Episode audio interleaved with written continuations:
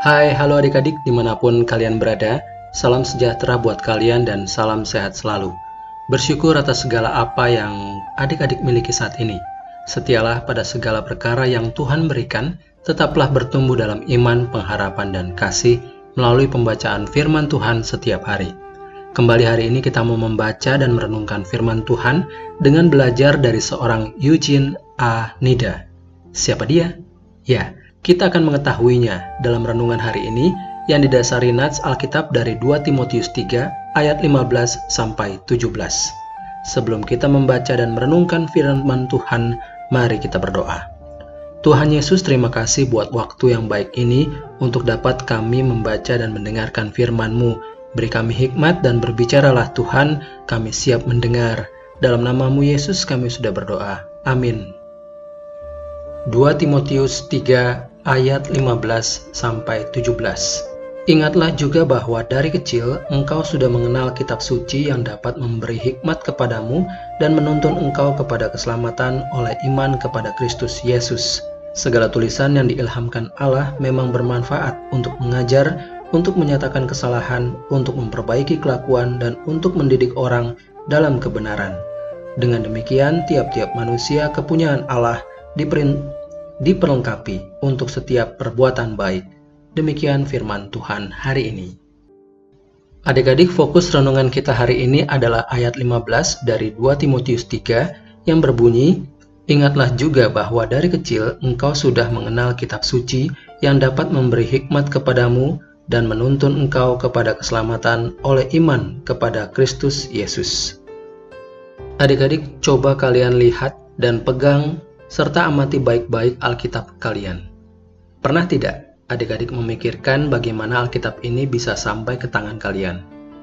Ya, Alkitab yang berupa buku tebal namun ringan, kokoh dan dicetak dengan rapi dan jelas. Kita bisa membaca tulisannya dengan baik, kata demi kata. Dan saat kita membacanya, sang pengarang yaitu Tuhan sendiri selalu hadir di samping kita tapi, tahukah adik-adik bahwa Alkitab yang ada pada kita melalui proses yang panjang dan membutuhkan banyak sekali orang dengan berbagai keahlian? Salah satunya adalah seorang penerjemah atau ahli bahasa. Salah satu penerjemah yang Tuhan pakai untuk menerjemahkan Alkitab adalah Eugene Anida. Eugene lahir pada tanggal 11 November 1914 di kota Oklahoma.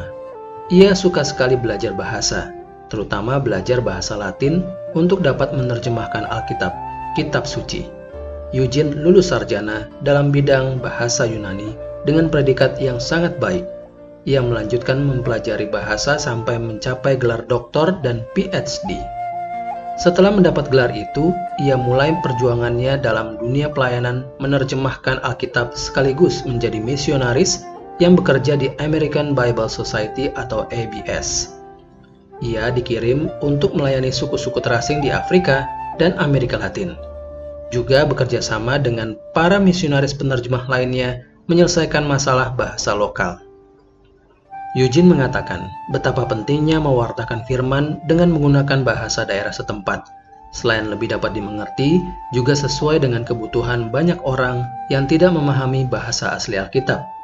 Kini Eugene sudah tiada, namun hasil terjemahannya dipakai Tuhan untuk menjadi berkat bagi banyak orang sampai saat ini.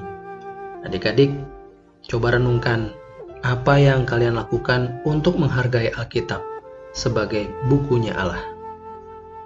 Berkat apa saja yang adik-adik dapat dengan membaca Alkitab? Alkitab berisi firman Tuhan.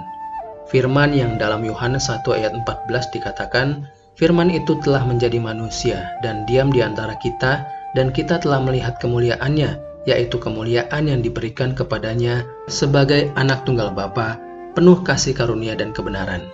Ya, firman itu adalah Yesus Kristus Tuhan dan Juru Selamat kita. Dengan membaca Alkitab adik-adik, kita sejatinya tengah mendengarkan firman Tuhan. Apa kata Tuhan? Apa kehendak Tuhan yang harus kita lakukan? Bacalah setiap hari, terhubung terus dengan dia. Kita dengar-dengaran dengan Tuhan melalui pembacaan firman Tuhan setiap hari, sehingga kita boleh diajar, dikoreksi apa kesalahan kita, lalu diberitahukan cara memperbaiki kesalahan kita. sehingga kita boleh semakin terdidik menjadi lebih baik, menjadi semakin serupa dan segambar dengan Tuhan. Adik-adik, saat ini mari kita sama-sama mengucapkan, Aku mau menghargai Alkitab sebagai bukunya Allah. Mari kita berdoa. Bapa di surga, terima kasih atas Alkitab yang Tuhan anugerahkan kepada kami. Kami menjadi mengenal kasih Tuhan yang menyelamatkan dan memberi kami hidup. Tolong kami Tuhan untuk menghargai, membaca, merenungkan, dan melakukan firman Tuhan yang tertulis dalam Alkitab.